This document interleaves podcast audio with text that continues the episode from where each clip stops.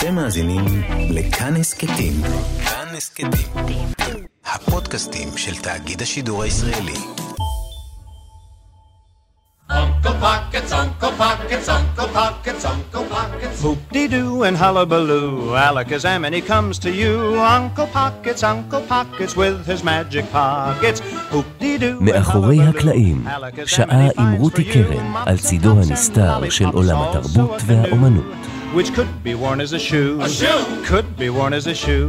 And the most amazing thing about the pockets where he's got 'em, they all have tops, but they don't seem to have any bottom. So hoop-dee-doo and hullabaloo, alakazam, and it's true.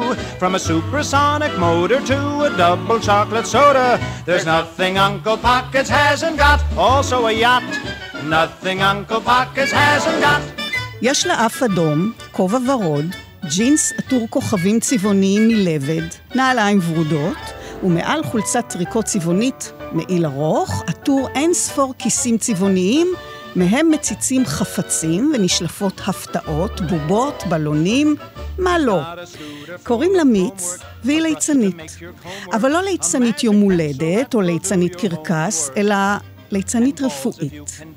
יום אחד בשבוע היא מגיעה לבית החולים, למחלקה הגריאטרית שיקומית, או לבית הספר לילדים בעלי צרכים מיוחדים, ואפילו למחלקת מונשמים, וכשהיא פושטת את בגדי הליצן ויוצאת בחזרה אל חייה השגרתיים ככימאית חוקרת במעבדה בבית החולים איכילוב, קוראים לה נעמה.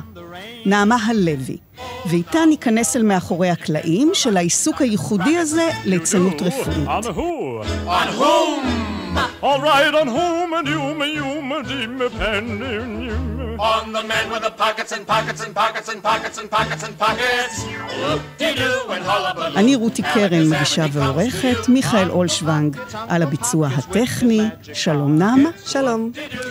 אז מהכיסים באמת אפשר לשלוף הכל כמעט, אבל נדמה לי שבעצם את צריכה לשלוף משהו מכיס הרבה יותר פנימי. לא כיס שתפור לבגד, אלא כיס ככה עמוק בתוכך. אני מאוד אוהבת אנשים, אני מאוד אוהבת uh, לעזור לאנשים, ואני מאוד אוהבת לשמח. כשהגעתי לליצנות הרפואית, זה היה נראה לי בבת אחת בדיוק בשבילי. אני היום מדברת הרבה על האהבה שלי לילדים, על האהבה שלי לחולים. כל חיוך קטן, כל דבר קטן, אני מתמלאת באושר. זה האושר שלי. והדגשנו שליצן רפואי אינו ליצן יום הולדת או ליצן בקרקס, שזה אינו מופע, אז מה ההבדל? מה מייחד ליצן רפואי בעצם? ליצן רפואי הוא בגדול אפשר לומר אחד על אחד. כל אחד מקבל יחס אישי. האינטראקציה היא אינטראקציה כל פעם עם אה, בן אדם, עם ילד, אם זה הילדים עם הצרכים מיוחדים, לשבת ליד ילד או לרקוד איתו. אני לא יכולה ולא כל כך יודעת לעשות מופע. לכנס אנשים סביבי ולבוא עם תוכנית מוכנה. הליצן הרפואי ברוב המוחלט של הזמן מאלתר, משום שהקהל, הקהל שמולי משתנה. הבן אדם, האופי של הבן אדם, הצרכים שלו, לאן הגעתי ומה אני רוצה לעשות. בבית החולים, למשל, ליצן נמצא שם גם כדי להקשיב למי שרוצה לספר, לשמח ולעזור לצוות. קראו לי כמה פעמים שאחות קראה לי לתוך חדר ואמרה, בואי אה, תעשי משהו מצחיק עם החולה הזה, בואי תהיי איתנו עכשיו. אז ההבדל הזה מתייחס כמובן גם למקום. מן המקום נגזרת המהות ונגזרות התכונות. זה הרעיון הראשון בליצן, הוא שובר שגרה. אם אני יכולה להוסיף בקצרה שיש uh, מי שחושש לפעמים מהליצן, זה בדיוק בגלל זה, משום שהליצן הוא, רואים אותו כלא צפוי. יכול להיות שהוא יביך אותי, יכול להיות שהוא יעשה משהו רועש ואני לא רוצה משהו רועש. אבל הליצן הרפואי, חשוב לציין שהוא מגיע תמיד תמיד עם הרגישות ועם אינטליגנציה רגשית אה, גבוהה. והדבר הראשון זה הכניסה שלו, זה השבירת שגרה. הליצן הוא מאוד צבעוני. הוא מיד מושך תשומת לב, הוא מיד עם חיוכים. יכול להיות שהוא יעשה משהו צבעוני, יכול להיות שהוא יתחיל לנגן במשהו. וזה מנוגד למדים של הצוות, למדים של החולים. יש להם שעות מוגדרות של uh, מה הם עושים, מתי הם עושים כל דבר. ועוד דבר הוא שהליצן נותן לחולה לקבוע. אני שם בשבילו, הוא מחליט אם הוא רוצה אותי, כמה הוא רוצה אותי, ומתי גם הוא אומר לי ללכת. ועם אפיון אפשר לומר שהאף האדום הכדורי הוא הרכיב הבולט ביותר, תרתי משמע, שמיד הופך אותך לליצן. בעצם לא צריך שום אביזר נוסף, הוא זה שמשעשע, אבל הוא זה שגם מרתיע. קודם כל, כאשר אני מתלבשת ושמה את בגדי הליצן, אני יכולה לגלות שהדבר האחרון שאני שמה עליי הוא האף. ברגע ששמתי את האף, אני בדמות הליצן. האף יכול להרתיע לפעמים, הוא מרתיע ילדים, אם כי זה היה אצלי, זה היה נדיר. ילדים הם מאוד חכמים. גם אם את לא מאופרת, אני לא מאופרת. מספיק שיש לי את האף האדום, לפעמים מבחינתם זו מסכה. הם רוצים לראות אותי, הם רוצים לראות מי זה. והיה פעם ילד שבכה, ממש. ואבא שלו אמר לו, זאת ליצנית, הכל בסדר. ואני פשוט הורדתי את האף וחייכתי אליו, והוא ראה מי אני. ובאותו רגע יכולתי להחזיר את האף, mm-hmm. והוא כבר שמח עליי. וקרה לך שהורדת את האף גם במיוחד אה, למען ילדה, שרק כך בעצם הסכימה לקבל טיפול רפואי. נכון. לפני שנים אה, ליצנתי עם פול, חבר מאוד קרוב שלי, שעשה איתי את הקורס בבית חולים בירושלים. נכנסתי לחדר. ובו הייתה ילדה. היה לידה כד עם uh, מים מאוד מתוקים, אני אפילו לא יודעת בשביל מה הוא נועד, אבל היא הייתה אמורה לשתות את כולו. והיא פשוט שתתה, ולא לא יכלה לגמור את כולו. ואני פשוט הייתי איתה משהו כמו 20 דקות, שזה נדיר להיות עם מישהו כל כך הרבה זמן. וכל פעם הצחקתי אותה בצורה אחרת, ואת הלגימה האחרונה היא לא הייתה מוכנה לשתות בשום אופן. אני גילית לה בסוד, אמרתי לה שאני גם אוריד את האף ורק היא תראה אותי, וגם אני אגלה לה את השם האמיתי שלי. והיא פשוט לקחה את הכד, גמעה אותו עד סופו, ורחנתי לידה, הסתרתי את עצמי מההורים שלה, הורדתי את האף וחייכתי אליה, ואמרתי לה, קוראים לי נעמה. ולאחותה גם קראו נעמה, זה עוד יותר שימח אותה. מקרה אחר מאוד uh, משעשע שהיה בבית החולים, בו אני מליצנת uh, כיום, אני נכנסת, אני אומרת, ערב טוב לכל הליצנים, כי החולים הרבה פעמים הם הליצנים, הם משתעשעים איתי, הם נותנים לי, אומרים לי משהו כדי שאני אתן את הקאמבק, בוחנים אותי. והרבה פעמים אני פשוט אה, נותנת למישהו שהיה כל כך משעשע, אני נותנת לו אף אדום. יש לי הרבה אפים אדומים בעגלת הליצן. ו... נתתי למישהו כזה שהסתובב על כיסא הגלגלים שלו, נתתי לו אף אדום. והמשכתי, עברתי הלאה לשאר החולים, סובבתי אליו את הגב, וראיתי שכולם מסתכלים עליו ומחייכים. ואני מסתובבת ואני רואה שהוא שם את האף האדום על האוזן. כלומר, הוא הגדיל את השעשוע, שם את האף על איבר אחר. הוא המשיך להיות ליצן. אז אלו באמת המקרים שבהם את מסירה את המסכה ונגלית כנעמה, רגע של חשיפה, והבנתי אגב שמחוץ לבית החולים או בית הספר, את לא מופיעה כליצנית. גם כאן באולפן הסברת לי שאפילו את האף לא טעתי על פנייך, ושגם בני משפחתך לא ראו אותך מעולם כליצנית. בהתחלה, כשהייתי ליצנית צעירה, עשיתי את ההפרדה הזאת, כי מאוד uh, הלהיב אותי להיות uh, מסתורית, והחלטתי גם שמי שיראה אותי כליצנית זה האנשים שאני באה אליהם. אבל העניין האמיתי הוא שאני פשוט, כשאני ליצנית, אני דמות. ואני מפרידה בין הדמות שלי וביני עצמי, משום שזה גם מפריע לי לריכוז, וגם כאשר אני לא נמצאת, הקהל שלי הוא זה שמפעיל אותי. והאינטראקציה בינינו זאת הליצנות הרפואית. אני לא יודעת לשים את הבגדים עכשיו, את בגדי הליצן, לשים את האף, ולעמוד מולך ולעשות שטויות.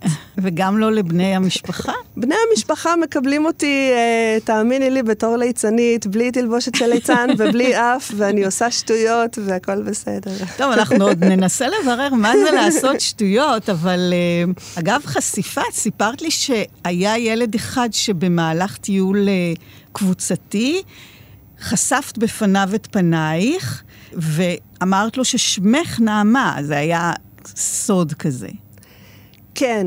לפני שנים אה, ליצנתי בהוסטל של אה, אוטיסטים בתפקוד נמוך, במושב קטן, והגיע ילד חדש. הוא היה בן עשר או אחת עשרה, והיה לו מאוד קשה להתאקלם כנראה. הוא היה באנטי, הוא היה כעסן כזה. הוא דיבר מילה פה, מילה שם. ויצאנו לטיול במושב, לא רק עם הילד הזה, היו עוד שניים שלושה מדריכים, היו עוד אה, שניים שלושה ילדים, ואני בתלבושת הליצן המלאה, אגב, היה לי קצת חם, וכנראה גם הטיול עשה לו יותר רגוע. באיזשהו שלב, כשהלכנו שנינו אחד ליד השני, הוא פשוט שילב את uh, ידו בידי, והלכנו ככה ביחד, אני מאוד התרגשתי. הוא עצר ליד שיח של פרחים, והריח אותו, ואני uh, נעמדתי מולו, והורדתי את האף, ואמרתי לו, אתה יודע, אני נעמה, ואני ליצנית. הוא הסתכל עליי, עשה לא עם הראש, לקח את האף שלי ומיד החזיר לי אותו. במילים אחרות הוא אמר, ככה אני מתחבר אלייך. כליצנית, תישארי ככה. וזה אולי המקום קצת להכיר אה, אותך, נעמה, כשהליצנות היא סוג שאת עושה בהתנדבות, אבל במקצועך את חוקרת בתחום הכימיה והביולוגיה המולקולרית בבית חולים אה, איכילוב. איך מדענית חוקרת מגיעה לליצנות? אני לפני שנים, uh, במהלך התואר השני שלי, פשוט uh, יום אחד דפדפתי בעיתון, וראיתי מודעה, קורס ליצנות רפואית. מיד ידעתי שזה בול בשבילי. כי? זה היה לי ברור שאני רוצה לעזור לאנשים, ולא ידעתי למי ואיך ולאן לגשת ומה לעשות. והאופי שלי, אני קוראת לעצמי סגנון ש... סטנדאפיסטית. אני לא mm. סטנדאפיסטית מופיעה, אני סטנדאפיסטית במהות. זאת אה. אומרת, החשיבה שלי היא חשיבה קומית, אני אוהבת לצחוק, להשתעשע. להתחכם. וזה פשוט באותה שנייה התחבר לי כאילו בלי לחשוב, וסיפרתי לחברה מאוד uh, קרובה שלי, ורד, uh, שאני הולכת לעשות את הקורס. והיא פשוט אמרה, וואלה, זה ממש תפור עלייך. אז זהו, את יודעת, עזרה לאנשים אפשרית בכל מיני צורות, גם uh, בבתי חולים. אבל ליצנות היא בכל זאת מיומנות של משחק, של התחפשות, של אלתור, של תקשורת יצירתית מאוד בכל רגע במצבים מורכבים. אז מעבר לאיזה נטייה קומית, זה משהו שהייתה לך אה, זיקה אליו בעבר, או שבאמת את מרגישה שיש בך את התכונות? כי תראי, אני למשל למדתי משחק ארבע שנים בחוג לתיאטרון, אבל בשום אופן לא הייתי עולה ללייצן, כמו שאת מכנה את זה, שזו מילה נחמדה. אז מה צריך כדי להיות מסוגל לעשות את זה? לאהוב אנשים. אבל בסדר, אנשים. אבל את יודעת, יש הרבה שאוהבים אנשים והם לא יכולים להיות ליצנים. יש לי המון המון כבוד לאנשים. אני מאוד uh, מקשיבה. זה ביחד עם uh, להצחיק, ביחד עם לרצות לעזור. Mm-hmm. אהבתי מאוד סרטים של uh, דני קיי. אהבתי מאוד לראות uh, משחק, אבל לא חשבתי, אני לא זוכרת, לא, בכלל לא חשבתי בכיוון mm-hmm. כזה. כאשר הגעתי לקורס של אה, שמחת הלב, בין היתר מלמדים קצת דרמה, מלמדים הבעות פנים. היה לי קשה לעשות את הפרצופים והבעות הפנים כשאני נעמה. אנחנו עומדים מול מישהו ועושים שטויות. מה זה לעשות שטויות? בואי עכשיו סוף סוף נפרק את זה. לעשות שטויות זה לעשות תנועות אה, מצחיקות, לפשל. ואת אומרת שלמדת בקורס, כלומר, זה לא מישהו מגיע לבית חולים ושם אה, אף אדום ויכול אה, להיות ליצן. זאת אומרת, זה לימודים. מה לומדים שם בעצם? דמיון מודרך, היה לנו אה, פיסול בבלונים. עשינו משחקים ביחד, היה לנו אה, מסכות, היה לנו הבעות פנים. לימדו אותנו לעשות שטויות. כן יצאתי ממבוכה. אני זוכרת שיעורים שכל השיעור היה שטויות בתוך כל מה שלמדנו. למדנו מעט אה, דרמה אפילו, נגענו בזה. וכמו ברפואה, גם הליצן הרפואי עובר סטאז', אותו עשית אה, בבית החולים אה, שערי צדק, ואז בהוסטל של אה, אוטיסטים, כשבמהלכו את אה, מגבשת את הדמות. כלומר, זה לא איזה ליצן אמורפי, אלא זו ממש דמות. לאט לאט מגיעה לזה שאת uh, מפתחת לעצמך את הדמות. אני התחלתי בתור דמות שרציתי להיות מאוד מאוד צבעונית עם המון כיסים, לשלוף מהם כל הזמן כלי נגינה. או דברים uh, מפתיעים. וההשראה שלי לדמות הייתה ונשארה דני קיי, שזכרתי אותו מהסרטים במיוחד מהנס כריסטיאן אנדרסן, את האהבה הגדולה שלו לילדים, את טוב הלב שלו שרואים מיד על הפנים שלו. כל מיני שירים מכל מיני סרטים, והיה לו שיר שאני לא יודעת אם הוא מסרט, אנקל פאקץ, השיר ששמענו בתחילת התוכנית.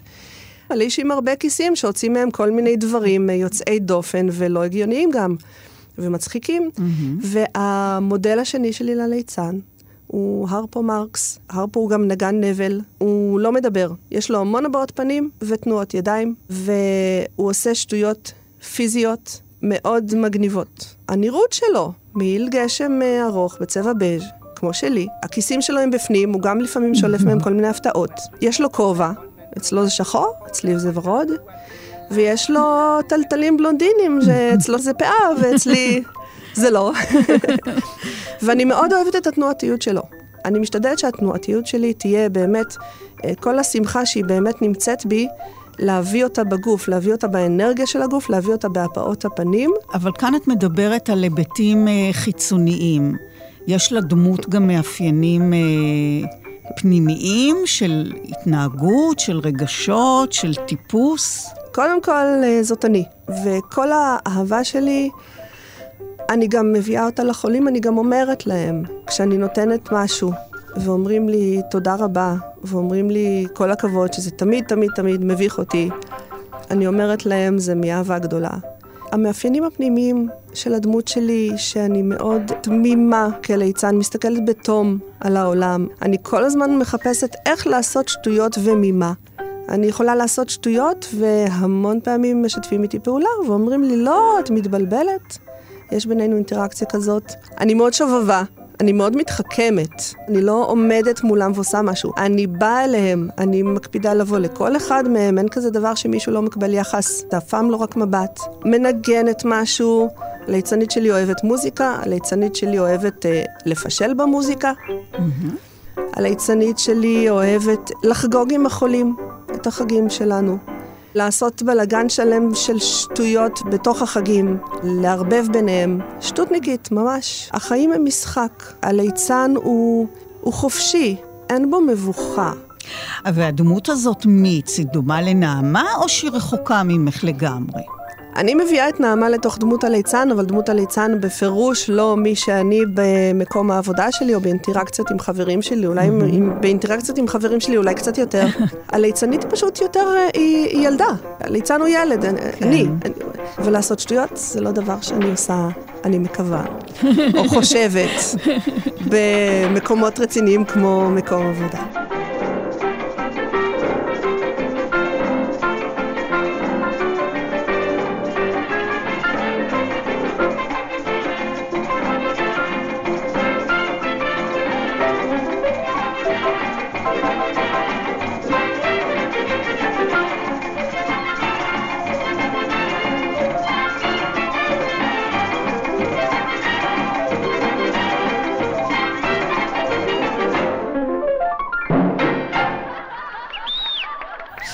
עכשיו, מאחר שזו פעילות קבועה באותו מקום, ולא הופעה חד פעמית, את uh, מגיעה לאותה מחלקה, לפעמים אנשים נמצאים שם לאורך זמן, כלומר, את צריכה בכל פעם לחדש, למצוא סוג תקשורת אחר?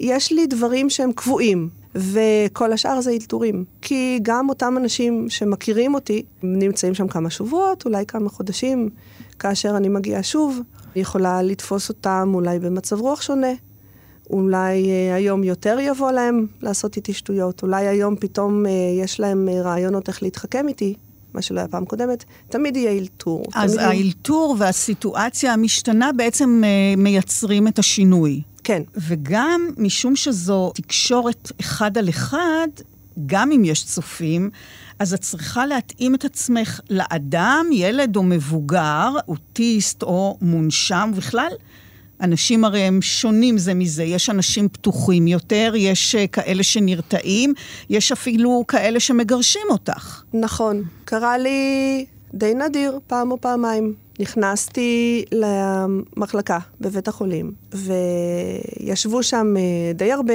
חולים וקצת משפחות, משהו כמו אפילו למעלה מ-20 איש. וחולה אחת שהיה ברור גם שכואב לה על הפנים שלה. איך שהתחלתי לעשות איתם דברים, היא צעקה, מה את עושה כאן? תסתלקי מכאן. וואה. בפעם הראשונה שזה קרה, אני באמת הייתי קצת בהלם, לא ידעתי מה לעשות עם זה. זה מסוג האתגרים שאני מחליטה בתוך שנייה, באותו רגע מה לעשות, אחר כך הולכת uh, הביתה וחושבת על זה. פשוט המשכתי עם החולים האחרים, כי מאוד מאוד חשוב uh, לדעת ולהבין שמה שקורה הוא, את לא יודעת, אולי בגלל שכואב לה, בגלל שהיא עצובה, היא הורידה את כולם כל היום, את לא יודעת האינטראקציה עם הצוות, לא יודעת האינטראקציה עם שאר החולים. ובאותו רגע שהיא צעקה עליי, כל המבטים היו מיד עליי. ואני הרגשתי באותה שנייה, זה הכל עניין של שניות, המון המון אחריות. אם אני עכשיו פורצת את הפנים האלה של הליצן למבוכה אמיתית, לבהלה, mm-hmm. לעלבון אולי, אז הכל אה, זהו, נהרס. יש דמות שפתאום רואים את הפנים הרגילים שמגיבים רגיל. ובאותה שנייה תפסתי את עצמי, והמשכתי עם החולים האחרים. כן. באתי הביתה וחשבתי על זה. זה ברור שקשה לה וכואב לה, אז ברור שאני רוצה גם לעזור לה. ועל זה חשבתי. ובפעם הבאה שבאתי, היא ישבה בלובי הזה עם עוד חולים. הפעם היא לא אמרה כלום, אבל היה לה פרצוף של לא רוצה אותי, כך פירשתי. ופשוט הייתי עם החולים האחרים, ודאגתי כל הזמן לעבור לידה. וכמו שאני עושה הרבה פעמים, להסתכל ולהמשיך הלאה. להסתכל טיפה, לבחון מה המצב, להמשיך הלאה. ובאיזשהו שלב שהיא גם הגניבה מבט אליי, חייכתי. וכל פעם שהיא ממש הביטה עליי, סימנתי לה, אם אפשר לתאר את זה ככה, עם האצבע, עין לעין, מה שנקרא, עם סימן של הכל בסדר. יש בינינו דיבור. עשיתי סימן של נעילה של הפה, mm-hmm. ובלי מילים סימנתי לה, יש בינינו דיבור שאני לא מתקרבת אלייך. עם חיוך. כן. ועשיתי את זה איזה חמש פעמים, וזה היה טוב. איך היא הגיבה? נתחיל מזה שהיא לא סילקה אותי. היא הסתכלה על שאר החולים, היא ראתה שהם מרוצים. אני מניחה שזה גם עזר לה, זה גם משהו שקורה. כשיש מישהו שלא כל כך רוצה, הוא לא בהכרח לא רוצה, הוא לא רוצה שתהיי איתו עכשיו, הוא לא רוצה שתהיי איתו עכשיו אחד על אחד. וכשהוא מסתכל מהצד, זה גם יכול להיות טוב לו. ובפעם הבאה שהגעתי, אני כבר פשוט ביררתי עם אחת האחיות מאיזה מוצא היא, והסיבה של המוצא היא, מיד אני מחפשת שיר ילדים של אותה ארץ. ניגנתי לה בפעם הבאה את השיר Johnny is the boy for me, זה לא בדיוק שיר ילדים, אבל זה בדיוק שיר שהיא הכירה, כמו מצא חן בעיניה. כן. ובפעם הבאה שבאתי, היא כבר הייתה בחדר. ובאתי וחייכתי אליה ואמרתי לה, שיהיה לך שבוע טוב, mm-hmm. ועשיתי קידה קלה עם הכובע, והיא אמרה לי, תודה רבה. כבר היא קיבלה אותי, אני חושבת. כן. אה, תראי, דיברנו קודם על העובדה שליצן הוא אמנם דמות שקשורה בהומור, בקומדיה, ליצן החצר או השוטה, שהם המקורות ההיסטוריים לדמות הזאת. הם היו אנשים שתפקידם היה להצחיק. עם הזמן זה הפך אה, יותר ויותר קשור לעולם הילדים, ולכן כשמופיע ליצן אה, בבית חולים או במחלקה גריאטרית, למבוגרים מאוד, זה נראה חריג מאוד. זה נראה חריג. כיום יש המון מודעות, זה כבר היה בתקשורת, ליצנות רפואית, הרבה מהחולים, בשנייה שאני נכנסת למחלקה, איזה יופי, באת לשמח אותנו. אבל יש גם סיפור קטן של משהו הפוך. ישבה מישהי עם אח שלה שהוא היה חולה. אגב, שניהם בני בסביבות ה-80, קופי אחד של השני. זה, זה כבר היה מגניב בעיניי. הוא לא דיבר, הוא הסתכל עליי, והיא אומרת לי, מה את עושה פה? לכי לילדים. אני מיד עטיתי על פניי הבעת תדהמה, אבל תדהמה ממש. אמרתי לה, מה, את לא ילדה? בבת אחת, הצליח לי מה שנקרא, כן. בבת אחת, הפנים שלה השתנו, התרככו, היא חייכה, הסתכלה עליי ונאנחה ואמרה, אם רק הייתי יכולה להיות שוב ילדה. אז האמת היא שהממשק הזה מאפשר לאנשים באמת להיות קצת ילדים. במובן של uh, לשחרר, לקלף, uh, לשתף פעולה. זה מגיע דווקא מן החולים. זה מה שמדהים, ואני חושבת שזה עוד משהו שהוא מאוד מאפיין. ליצן רפואי, החולים רואים ליצן, והוא כמו המראה שלהם, הם מיד מרגישים חופשיים. הם מרגישים כלילים, הם מתחילים להתחכם איתי, עוד לפני בכלל שעשיתי משהו. עושים לי פרצופים. ולכן אני כל פעם מברכת אותם בערב טוב לכל הליצנים. ליצנים, כן. הם משתפים פעולה מתוקף אולי המצב שלהם, נכון? תראי, מה זה משתתפים פעולה? קודם כל, הם הרבה פעמים הם אלה שמתחילים. אה. עכשיו, כן? אני רק צריכה להיכנס. ואז? אני... ואז אנחנו מתחילים, אני מיד uh, תפסתי לי מישהו שהתחיל, אז אני מיד ממשיכה מה, בקו מה שלו. למשל? את יודעת, יכולים להגיד לי, מה זה המעיל הזה? היום יום נורא חם. אז מיד יש לי איזה משפט או שניים שכבר הפכו יחסית לקבועים. אני אומרת, תשמעו, היום כל כך חם, שהחלטתי לשים מעיל למקרה שיהיה חם, שלא יהיה לי חם, ואני יכולה שעה לפתח את זה. ומה שמעניין הוא שלעומתם, בני המשפחה שמגיעים, שמבקרים אותם, זה מאוד מאוד מעניין. בדרך כלל הם הרבה יותר מובכים מהחולים. זהו, המשפחה נבוכה כי אולי הם לא במצב פגיע, לכאורה כמובן, הם לא בתלבושת בית חולים, שהיא גם סוג של תחפושת, ואז מה קורה? איך את מתמודדת עם זה? מכיוון שבאתי לחולה, אז אני קודם כל איתו.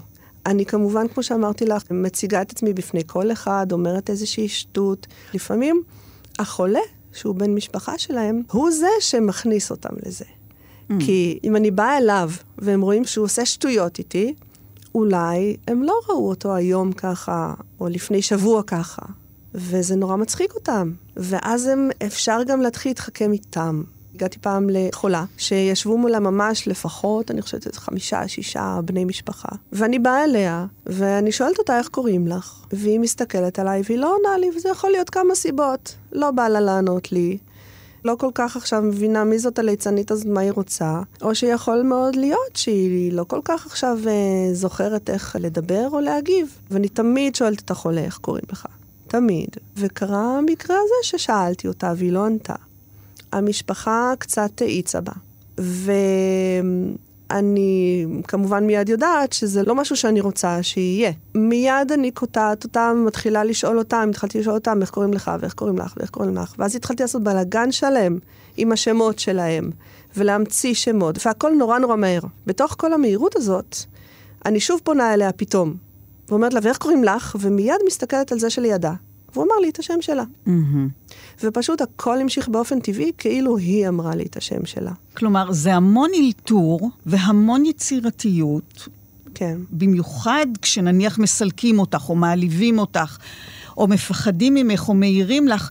סיפרנו שאת עובדת לא רק אה, בבית חולים, אלא גם מגיעה לכיתה של ילדים עם אה, צרכים מיוחדים, חלקם אה, אוטיסטים, וקרה שאיחרת לשיעור, והמטפלת נזפה בך קלות. המדריכה קצת נזפה בי, ושאלה אותי, למה איחרת? מה קרה? היו פקקים? אמרתי לה, אל תשאלי איזה פקקים היו על הכבישים. היו פקקים של יין, פקקים של בירה, פקקים של מיץ תפוזים. נורא הפריע לי, ואני יכולה להמשיך את זה גם שעה, את יודעת, זה נורא הפריע לי, כי המרווחים ביניהם היו נורא קטנים. ועד שפילסתי את דרכי והגעתי לפה, פשוט ממש איחרתי. למעשה היא פנתה לליצנית, אבל השאלה שלה הייתה רצינית, אבל אין סיכוי לקבל ממני תשובה רצינית. כאשר אני ליצנית, זה משעמם להגיד לה, כן, היו פקקים. אבל זה בעצם רגע שעלול אה, לשבור גם את האשליה ולהוציא אותך מן הדמות. נכון, כאשר מישהו פונה אליי בשאלה, כמו שחולים פנו אליי בבית החולים, מאיפה את באה? יש לך רכב? במה את עובדת? אז או שאני מחייכת ואומרת להם, מה זאת אומרת? אני ליצנית, אם אין לי מה לומר. אני פשוט אומרת, אני ליצנית. או שאני עונה להם, אבל אני אענה להם כליצנית. אני תוהה איך את מצליחה בכלל. את לא נעלבת אף פעם, את לא נעלמת באלף, ומגיעה למצב שאין לך מה לענות, או משהו לעשות בתגובה? אני לא נעלבת אף פעם. לא? לא. כי אני לא הנושא פה. אני באה בשביל אה, לשמח אותם, אני באה בשבילם. בסדר, אבל אם מישהו אומר לך, לכי מפה, אה, את יודעת, או כל מיני דברים אחרים, זה לא נעים. זה לא נעים רק אם, כמו שסיפרתי בפעם הראשונה, את לא יודעת כל כך מה לעשות עם זה. אז זהו, אז אני שואלת אם, אם לא קרה שבכל זאת, את יודעת, התקילו אותך. הייתה מישהי שאמרה לי, באתי, ניגשתי אליו, והיא אמרה לי, אני זקנה. לא ידעתי מה להגיד על זה באותו רגע. אם היא הייתה אומרת לי את זה עכשיו, אני יכולה שעה עכשיו לדבר איתה על מלא שטויות ולהגיב לה על זה. באותו רגע אני לא זוכרת מה עשיתי. יכול להיות שחייכתי, שהמשכתי הלאה באיזושהי צורה אה, אלגנטית כמה שאפשר. כיום אני יודע, הייתי יודעת מה לענות לה, למשל. זאת אומרת, זה לאתגר הזה. עניין של ניסיון להשתפשף עם הדבר הזה בעצם. זה עניין של ניסיון, וזה עניין שככל שאני עושה את זה באופן קבוע, אני נתקלת בהמון מצבים mm-hmm. ובהמון דברים, ואני פשוט הולכת אחר כך הביתה, יושבת וחושבת. היא אמרה לי, אני זקנה, מה אומרים על כזה דבר? אגב, היה לזה ניגון, זה היה מאוד רציני מה שהיא אמרה, אבל היה לזה ניגון ש... שדווקא, אם אפשר לומר אה, קצת, אה, שישע אותי בתור ליצנית, שהיא אמרה לי, לכי מכאן, פה אנשים חולים. זה היה נשמע לי מאוד חגיגי, איך היא אומרת. עכשיו, בתוך שנייה יכולה בכנות לענות לה, אוי, אני ממש, רגע, רגע, ממש התבלבלתי. מה, אז הגעתי למקום הלא נכון? אני חשבתי שאני באה לשמח אנשים אה, לא חולים. רגע, פה זה חולים? אז לא, אז אני אלך? אז... תגידי, מה קורה לצוות הרפואי? אחים, אחיות, רופאות, רופאים, שכלואים משהו בתוך הפרסונה של הרופא, שאמור להיות מרוחק, מכובד, ממש לא ליצי. הצוות הרפואי לא רק מקבלים אותי ושמחים כשאני באה, כמו שאני ממש שמחה לראות אותם כל שבוע, באמת. רופא רואה אותי, הוא, הוא כד קידה, משתחווה, יש לו חיוך עם ניצוץ בעיניים כזה. הם רואים אותי צוחקים. כמה פעמים קראו לי לחדרים. אחות שקראה לי לחדר ואמרה לי, הוא פשוט לא מגיב לי לשאלות שלי, אז בואי תיכנסי, ואז ניגנתי לו ועשיתי קצת שטויות. ותוך כדי שאני עושה שטויות, תוך כדי, לא בפאוזות, היא שואלת אותו עוד שאלה ועוד שאלה, והוא עונה לה. בלובי הזה אני נעמדת לידם, אם הם באים בדיוק עם איזושהי עגלה כזאת, שאני לא יודעת מה היא עושה, מודדת סוכר או משהו כזה, כל מיני מכשירים מצפצפים שיש עליה, אני לפעמים רוקדת לצלילי המכשיר. יש לי עגלת ליצן, אני יכולה להעמד ליד אה, אחות ולהגיד לה, תגידי, העגלה עובדת בסדר? יש לי המלצה בשבילך על מוסך, אם את רוצה. החולים גם רואים את כל זה. בא אליי אותו רופא שכדקידה, עשה לי שלום כזה, חייך, ועודי עומדת בלובי עם uh, כמה חולים, הוא פשוט uh, קירב אליי חולה אחד בכיסא גלגלים, ונשאר מאחורי החולה, מחזיק את הידיות, ואני ישר קידמתי את פניו של החולה בהתלהבות רבה. התחלתי לעשות שטויות. והרופא נשאר גם, והסתכל עליו, וחייך, והיה מאוד שמח כמה שהוא שמח. וזה מאוד מאוד כיף. השאלה אם גם הרופאים, הנה פה את מתארת באמת רגע שגם הרופא נתן לעצמו קצת, את יודעת, איזו הפוגה. אבל השאלה אם באמת הצוות הרפואי מאפשר לעצמו להשתחרר מהדימוי, מהריחוק, מהרצינות, מהתפקיד. כי אני חושבת שאת יודעת, את חשובה אולי גם בשבילם. הרופא הזה מאפשר לעצמו, זה נורא נורא כן. כיף. ואחרים? אחרים, הם לא, הם לא משתתים. לפעמים הם משתתים עם עצמם. כאשר אני נכנסת ויש שלושה אנשי צוות, הם יכולים בקלות להשתתות עם עצמם. אני מתחילה להשתתות איתם, אני נותנת להם בדרך כלל מדבקה של מדליה. אני עושה מזה טקס שלם, טקס הענקת מדליה. אני תמיד אומרת להם, אגב, שזה מדליה, זה לא מדליה, אבל זה מדליה. הם מאוד מאוד גאים ושמחים, כן? הם מיד מגישים לי ככה או את החזה, מגישים לי את הכרטיס שלהם, או את היד, איפה שהם רוצים שאני אשים את המדבקה, והם מאוד גאים. אפילו בפעמים הבאות שאני באה, הם מראים לי שיש להם את זה עדיין. וכשילד למשל מפחד ממך, את תתרחקי, או שבכל זאת תנסי ליצור קשר? בוודאי שאני אנסה ליצור קשר. כאשר אני רואה שמישהו לא רוצה, זה לא תמיד אומר שהוא לא רוצה בכלל. הוא לא רוצה אותי עכשיו מולו. יכול להיות שהוא רוצה לבחון אותי, יכול להיות שהוא רוצה באמת רק הופעה. נכנסתי לחדר במחלקה, בבית חולים, והיה ילד בצד אחד, וילדה בצד השני ישבה עם סבא שלה. התקרבתי והיא לא רצתה. ולעומתה, הילד אמר, נו, תסמכי אותי. ופשוט הסתובבתי עם, בעצם עם הגב אליה, והייתי איתו, אבל אני בשום אופן מאותו רגע שהיא לא רוצה, אני לא שוכחת אותה. לאט לאט אני מגניבה מבט, ואני דואגת שהיא תשים לב שהגנבתי מבט. וכשהיא מסתכלת עליי, אני מחייכת. ובאיזשהו שלב, אם אני רואה שאני יכולה לעשות את זה, אני הולכת קצת אחורה, מסתובבת אליה, ושואלת. בתור ליצנית אני בהחלט הרבה פעמים שואלת רשות, אפשר להיכנס, אפשר לבוא. היה לי אז ספר של uh, קסמים כזה. ושיחקנו קצת, והיא הסכימה, וביחד עם הסבא, וזה היה נורא נחמד. הפשירה. כן. יש כל מיני uh, סיפורים, איך אני ניגשת למישהו שמפחד ממני, או מישהו שלא רוצה שאני אתקרב אליו. נערה בבית הספר, כל פעם שהיא ראתה אותי היא נורא פחדה ממני. פשוט התחילה להשתולל. וזה לא טוב, והעובדה שהיא מפחדת ממני לא טוב, כי אני שם כל שבוע, ואני אפילו הייתי אז בכיתה, רציתי להיכנס לכיתה שלה. ביקשתי משתי מדריכות שיעמדו לידה, ונעמדתי עם הגב אליה במרחק, ומדי פעם הסתובבתי אליה. וכל פעם שהסתובבתי אליה, אמרתי, אני ממש מפחדת. אני ממש מפחדת. הפכתי את הכל. הייתי המראה שלה, וכל פעם שהסתובבתי אליה ואמרתי, אוי, אני מפחדת, טיפונת התקרבתי, טיפונת עוד צעד קטן אחורה. והמדריכות ממש שיתפו פעולה, בכלל בלי איזושהי הנחיה. הם אמרו לה, למה את מפחדת? הליצנית, תראי, הליצנית מפחדת ממך, את צריכה להרגיע אותה. והושטתי יד, והיא הושיטה לי יד, והיא אמרה, אני לא מפחדת, אני חברה שלך.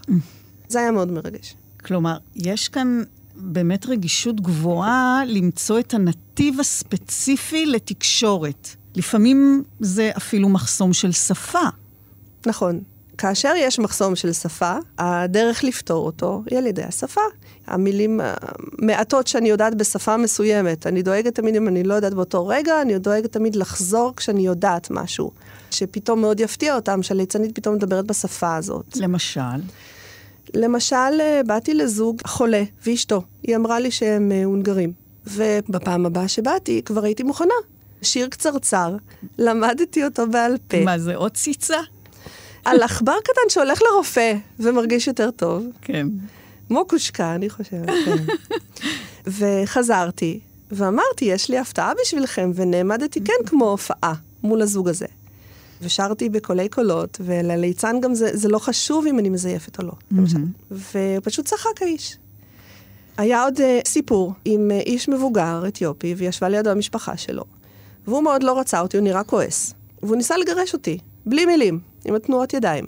ואני הסתכלתי על המשפחה שלו, והם אמרו לי, הם היו רגועים, הם אמרו לי, זה בסדר, תישארי פה. ומכיוון שאני חובבת קולינריה, אני מקריאה כמה מילים של uh, אוכל אתיופי, ומשקאות, ופשוט התחלתי להגיד מילים של אוכל.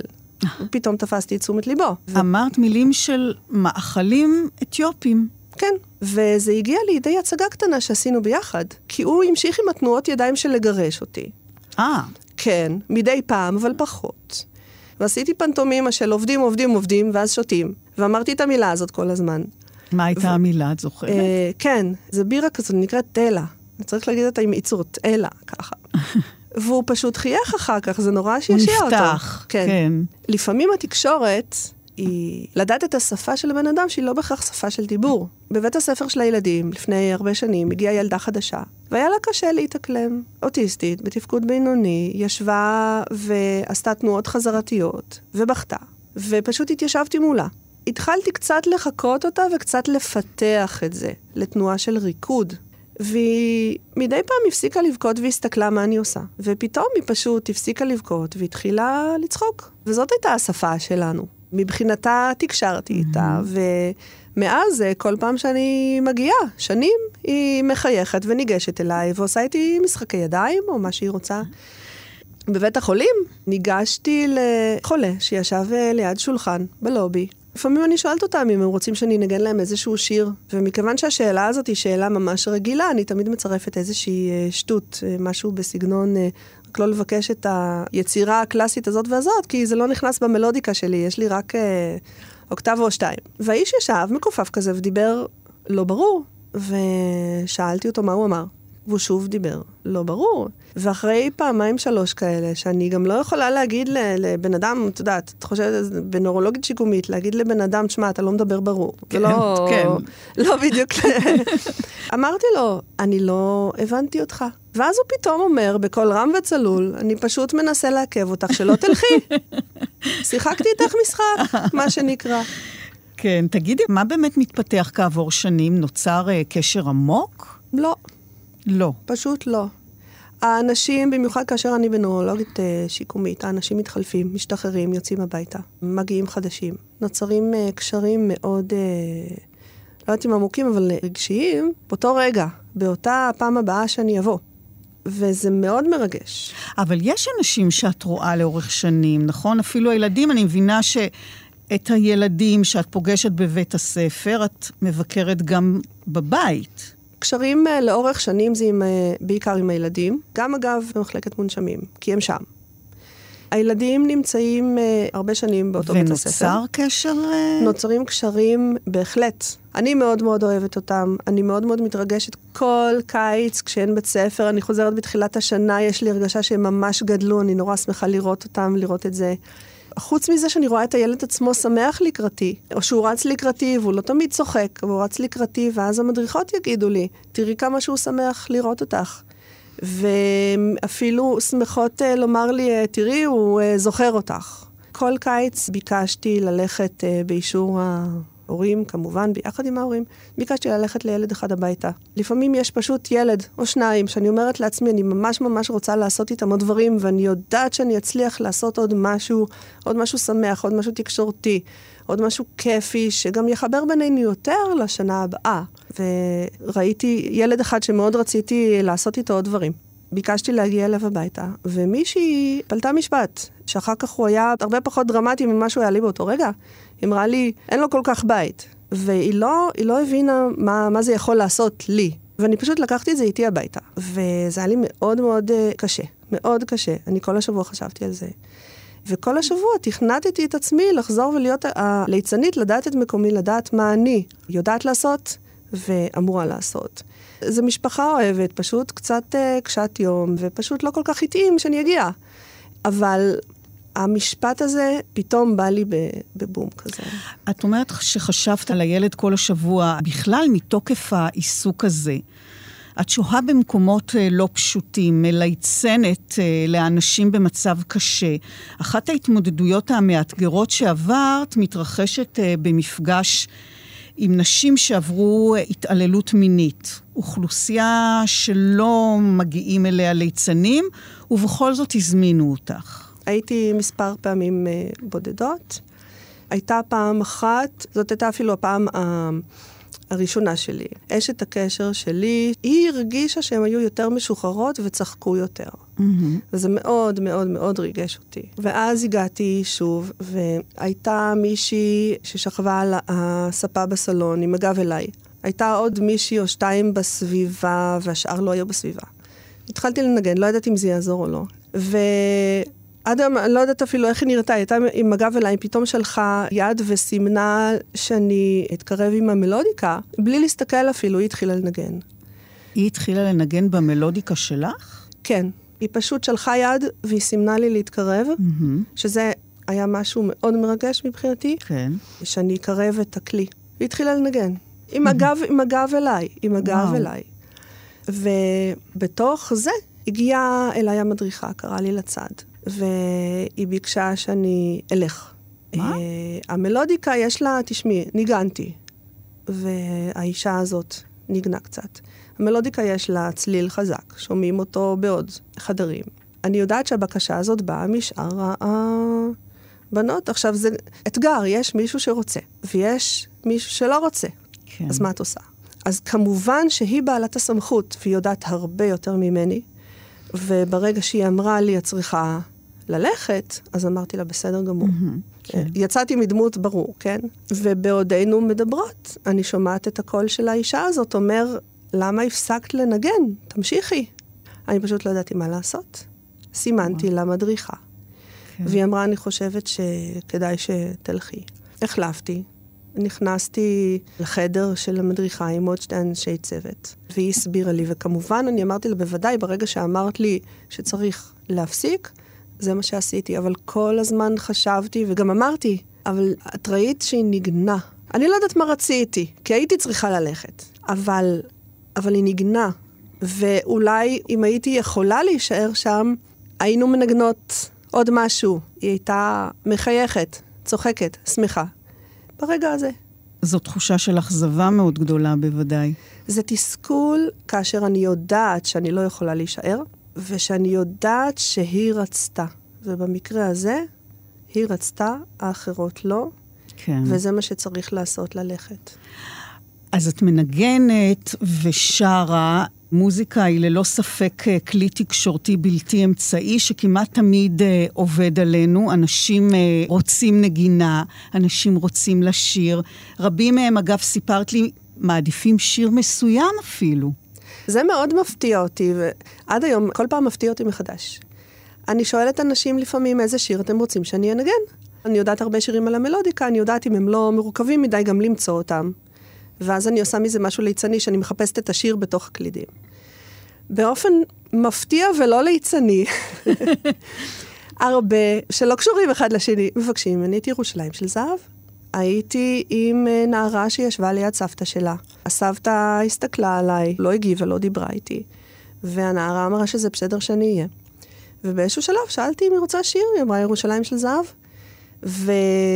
וניגנתי, והנערה התחילה לבכות. ואני שואלת או רומזת האם להפסיק, או שאני פשוט מפסיקה. והיא פשוט רצתה שאני אמשיך. וזה גם משהו שהוא, שהוא טוב. היא רצתה את זה, היא רצתה את הרגש הזה. סיימתי לנגן, יצאתי מהמחלקה, והנערה פשוט באה אחריי, ואמרה תודה, וחיבוק. חיבוק. כן. וואו. אה, מעניין שדווקא במפגש שלך עם מורה למוזיקה היא סירבה לשיר. כנראה זה הציף בה זיכרונות שהדגישו את מצבה היום, ואז באופן ליצני את מצליחה לגרום לה לשיר בכל זאת. היא ישבה עם חברה טובה שלה. היא סיפרה לי עליה. היא אומרת לי, את יודעת שהיא הייתה מורה למוזיקה? ואני לא מצליחה לגרום לה לשיר, אולי את. ואז ממש התלהבתי, וואו, מורה למוזיקה, והתחלתי עם כל מיני שירים, אה, שירים, את יודעת, אה, שירי אה, ילדים גם, או אני פורים. והתחלתי לעשות שטויות, ופתאום, מה שנקרא, עברתי את הסף שלה, התחילה לתקן אותי, ופתאום היא התחילה לשיר, ופתאום היא בחרה איזה שיר היא שרה. Mm-hmm. זה עוד, עוד משהו שליצן, לפעמים האנשים ייפתחו לליצן, כי מיד מרגישים את, ה... את החופש, את הקלילות, ומשהו מאוד חשוב שעוד לא אמרתי, שהליצן תמיד בא רק עם שמחה, המון שמחה והמון אהבה. ומיד מרגישים את זה, אני מקווה. ואומנם יש כאן המון אלתורים, אבל את גם ממשיכה להרחיב אופקים, ללמוד כל הזמן, לשפר את הליצנות שלך, באיזה אופן? אני מאוד אוהבת סרטים של קומיקאים, גאונים, אני קוראת להם גאונוי קולנוע. Uh-huh. צ'רלי צ'פלין, אחי מרקס, כמובן הרפו, דני קיי. קטונתי מלהגיע לקצה הקרסוליים של הגאונים האלה, אבל הכל נשאר לי בראש, התנועתיות שלהם, הבעות פנים שלהם. ואני משתדלת מאוד לזכור את זה, אני גם זוכרת את זה, זה איתי כשאני הולכת לליצן. אני... יושבת וחושבת על האתגרים אחרי שאני חוזרת מהליצנות. אני עשיתי קורס פנטומימה כדי ללמוד עוד תנועתיות, עוד הבעות. למדתי ריקוד הודי מאוד מיוחד, מסוג מאוד מסוים, שהוא כמו סיפור. יש בו, יש בו תנועתיות מאוד מדויקת, מאוד סיפורית. וגם הבעות פנים, סיפור ללא מילים. ואני גם עשיתי קורס תיאטרון בובות, שזה משהו, עוד אחד מהחלומות mm. שלי שהיה לי הרבה שנים. בגלל שאני חנונית אז אני מחפשת ללמוד, כן? ופשוט היה סיפור עם ילד מאוד חמוד, או עם אוטיזם, או עם פיגור, ברמה אה, בינונית, אה, שלא השאיר אלייך מבט. והתכופפתי אליו, נעמדתי מולו, והוצאתי, יש לי בובות אצבע באחד הכיסים, הוצאתי בובות אצבע. והתחלתי לשיר איזשהו שיר. ועשיתי ריקוד קטן עם הבובות אצבע, הזזתי אותם מצד לצד, ואני רואה שהוא פתאום נועץ בהן מבט, בעיניים שלהן. בסוף השיר הוא הסתכל עליי, נעץ בי מבט, וצחק. ובאותה שנייה זה היה ברור לי שכן, יאללה, מוציאים את החלום הזה מהבוידם, עושים פו על האבק והולכים לתיאטרון בובות. אז הנה ילד שהסיכוי להגיע אליו וודאי לקבל תגובה היה קלוש. וזה קורה. וזה קורה גם במחלקה של מונשמים. את מגיעה לשם כבר כמה שנים, אבל אנשים שאינם בהכרה, אז בעצם תקשורת לא קיימת. לא כולם שם לא בהכרה. שוכבים שם אנשים שנראים ישנים, ואת לא יודעת. שומעים, לא שומעים. שוכבים שם אנשים עם עיניים פקוחות, מישירים לתקרה. ואת לא יודעת איזו תקשורת תהיה לך איתם, אבל מבחינתי כולם מתקשרים. וכמו שציינתי, המלודיקה שלי יש לה שתהיה בריאה קול חזק, ואני מנגנת ואני עושה רעש, וזה בסדר לעשות רעש. ונכנסתי לאחד החדרים, שכבה שם אה, חולה, אגב, יחסית צעירה, עם עיניים סגורות, ולא תמיד ניגשתי אליה, אגב, כי כשישנים אני לא בדיוק יודעת אם לגשת או לא, ניגשתי אליה. האחיות אמרו לי את השם שלה. התחלתי לדבר איתה, להגיד את השם שלה, וניגנתי, ופתאום היא התחילה לבכות. וממה שהבנתי מהצוות, זה היה משהו יוצא דופן, mm-hmm. התקשורת. וכל דבר כזה עוד יותר מחזק אותי ומחזק אצלי את הידיעה שכולם מתקשרים, לבוא לכולם, להיות עם כולם. אני מלייצנת במחלקה הזאת אה, משהו כמו חמש שנים, ואני מגיעה לחדר ששוכב בו בחור, ואני מנגנת לו. אני מנגנת לו בדרך כלל את אה, אני פורים. Mm. והיו כבר כמה מקרים שהוא פתאום חייך. והאושר הגדול שלי זה שהוא מחייך, ושאני ראיתי בפעם הראשונה שהוא עשה את זה, את העיניים הפעורות של ההורים שלו, את השמחה, את ההתרגשות שלהם. זה האושר שלי. וחדר נוסף, ששם שוכבת מישהי גם, את יודעת, עם עיניים פקוחות, אבל היא לא מתקשרת איתך, אבל אותי זה לא מרתיע. את הילדים שלה פגשתי אותם פעם אחת, ידעתי איזה שירים היא אוהבת, ואני יודעת את השם שלה, אני אומרת לה, היי, מה נשמע, מה העניינים, וחג שמח, הרבה פעמים אני אומרת חג שמח, גם אם אין חג, ומנגנת לידה. ופתאום היא מסובבת אליי את הראש, וזה מאוד מאוד ריגש אותי. מבחינתי, ואני מקווה, מקווה, מקווה שזה נכון, זה אומר שהיא שומעת ושהיא אוהבת. אני ממש מקווה. וזה קרה מאז עוד פעמיים, שלוש. במהלך אני... כמה שנים? במהלך משהו כמו, במונשמים ספציפית, משהו כמו חמש שנים שאני שם. חמש שנים שאת שם, כמה פעמים שהיא סובבה אלייך את הראש, ושזה דבר חריג. ממה שהבנתי, כן. איך הצוות הרפואי מתייחס לזה, אגב? הבחור שחייך, פתאום אני רואה אותם עומדים, יש חלון כזה בכניסה לחדר שלו. הוא מחייך, וההורים מחייכים, ופתאום אני רואה שלוש אחיות עומדות בחלון הזה ואומרות, יא, בואו, בואו, מהר, בואו, מהר, כן. תראו. זה נורא שימח אותי. כן, זה נותן תקווה. זה, כן. זה... אבל בכל זאת לא אחת את נשאלת למה זה טוב, שהרי מצבם ממילא לא משתפר, נכון? את זה לא הצוות שואל אותי, כמובן. הצוות, אה, כן, פעם אחת אמרו לי, למה את הולכת אליה, לכי אליה, היא מגיבה. זה היה נדיר מאוד. ושוב, אני חוזרת על זה שכל הרעיון הוא, כן, אוקיי, אני הולכת למי שמגיב, אבל אני הולכת למי שלא מגיב. אני רוצה שהוא ידע שאני שם גם בשבילו. ואני מאמינה שהוא יודע. ולפעמים אנשים שואלים אותי, במה זה בעצם עוזר? מה זה בעצם עושה? הרי המצב שלהם לא השתפר. אפילו שאלו אותי על הילדים בליצנות, הרי הם לא... אם יש פיגור ברמה בינונית, או... אז זה לא עומד להשתפר. אז קודם כל, זו טעות, במיוחד אצל הילדים, כל הזמן מתפתחים ולומדים. גם חולים ספציפית במונשמים, כמובן, כן, נורולוגית שיקומית, מטבע הדברים, משתקמים. יש פשוט את הרגע הזה, את הרגע הזה שהבן אדם חייך. אז אם מישהו חשב עד אותו רגע שהוא לא מתקשר, אז הוא מתקשר. והחיוך שלו זה, זה, זה עולם שלם. זה פשוט עולם שלם. והרגע הזה הוא עולם שלם. אלו מראות קשים, גם אה, מונשמים, גם ילדים פגועים, אה, אותן נשים נפגעות אה, התעללות, בכלל אנשים חולים, זה קשה להכיל. ואת עוד צריכה לשחק, את צריכה להיות עליזה, את צריכה לשמח. מאין הכוחות? אני ליצנית. אני שמה את התלבושת. אבל את גם בן אדם. נכון. אני שמה את התלבושת, שמתי את האף, אז אני ליצנית. עכשיו, אני השטותניקית, וכל מה שאני מחפשת זה עיניים וחיוך. הזמינה אותי חברה מאוד קרובה שלי, קרן, שהיא גם ליצנית רפואית, לליצן איתה באיזשהו בית חולים. היא גם אמרה לי מראש, היא אמרה, תשמעי, יש פה מחלקה של ילדים, המראות לא קלים, שתדעי. ובאותה שנייה שנכנסנו, הרגשתי בום כזה, כאילו מישהו הכניס לי אגרוף בפרצוף. הלם כזה, היה לי קשה ברגע הראשון לראות, ופשוט פיזית, פיזית, עשר, עשרים שניות, אה, ניערתי את הראש, וזהו, עיניים וחיוך, עיניים וחיוך. אבל אני שואלת מאיפה את מגייסת את הכוח? Mm, אני נורא רוצה לעזור. זהו, ואני, אם אני לא בטוחה, אז אני מחליטה ביני לבין עצמי. כשהלכתי לנשים, חשבתי על זה שיכול להיות שיהיה לי מאוד קשה נפשית, אולי לחשוב על זה אחר כך. לפגוש באנשים שנפגעו ממישהו. לא חולים בבית חולים, נגיד. Mm-hmm. אז אני פשוט מדברת עם עצמי, האם אני רוצה לעשות את זה או לא? האם אני יכולה לעשות את זה או לא? אני אומרת לעצמי, כן, אני רוצה לעזור, זהו, זהו, אני רוצה לעזור, ולכן וזה אני... מה שנותן לך את הכוח. כן, ולכן אני חזקה.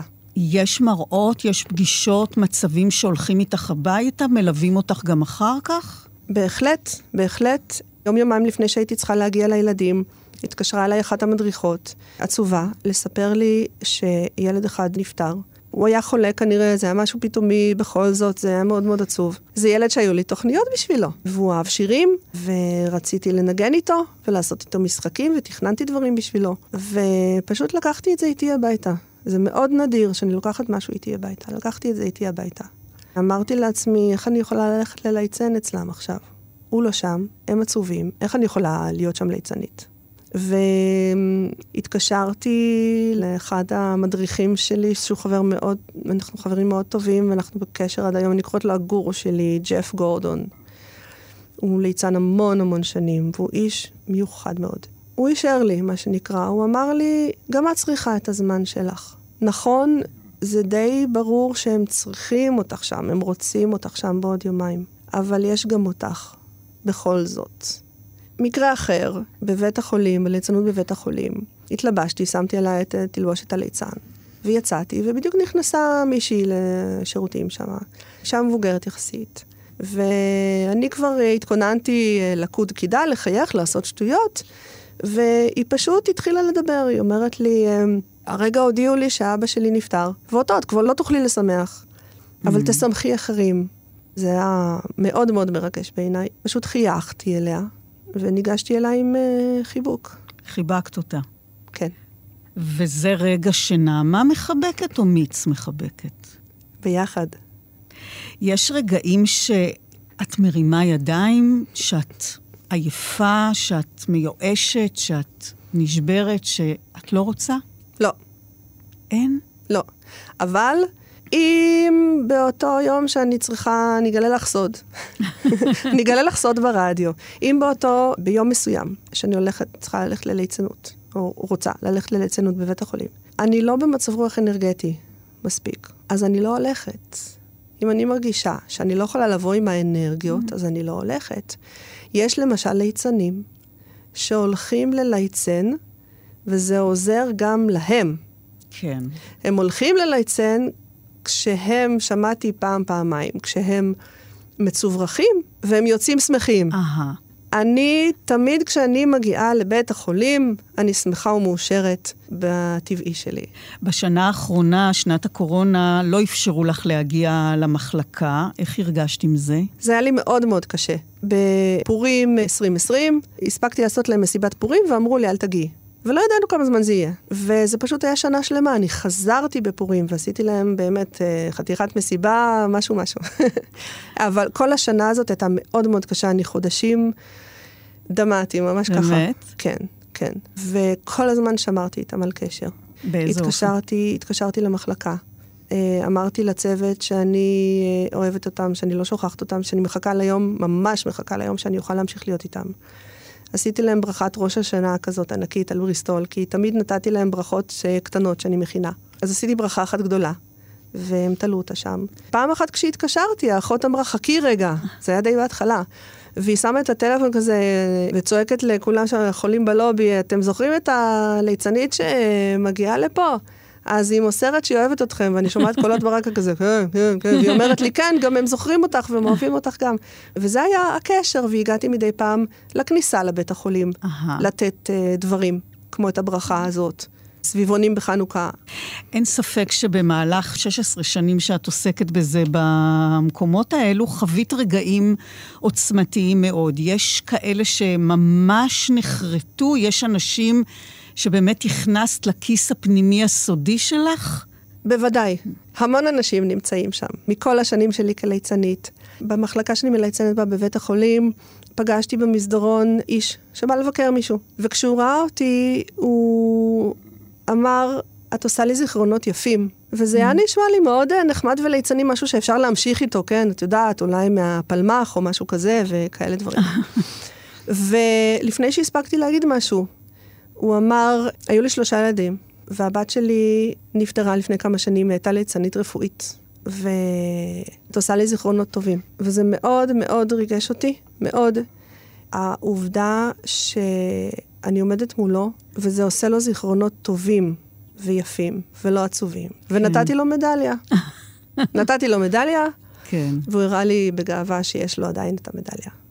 עוד מקרה שלקחתי איתי, ואני זוכרת אותו עד היום ויזואלית. נכנסתי אז עם אה, קרן לילדים, והיה ילד אחד ששוכב במיטה, ואת לא כל כך יודעת אם הוא מסתכל עלייך או לא, אם הוא יודע שאתם שם ומה אתם עושות. ועשינו לידו כמה שטויות, ניסינו להצחיק אותו, והוא פתאום חייך. ואני זוכרת עד היום איך הוא נראה, אני זוכרת את הסיטואציה, אני זוכרת את החיוך שלו, וזה עוד אחד מהדברים שפשוט ממש הולכים איתי. את מדברת לא מעט על אה, חשיבותו של החיוך. כשאת uh, כותבת הודעות, את מסמנת תמיד uh, נקודותיים פלוס וסוגריים, שזה בעצם יוצר, תנסו את זה, זה יוצר פנים מחייכות, כמו של ליצן. וזה הסימן של הליצן, החיוך.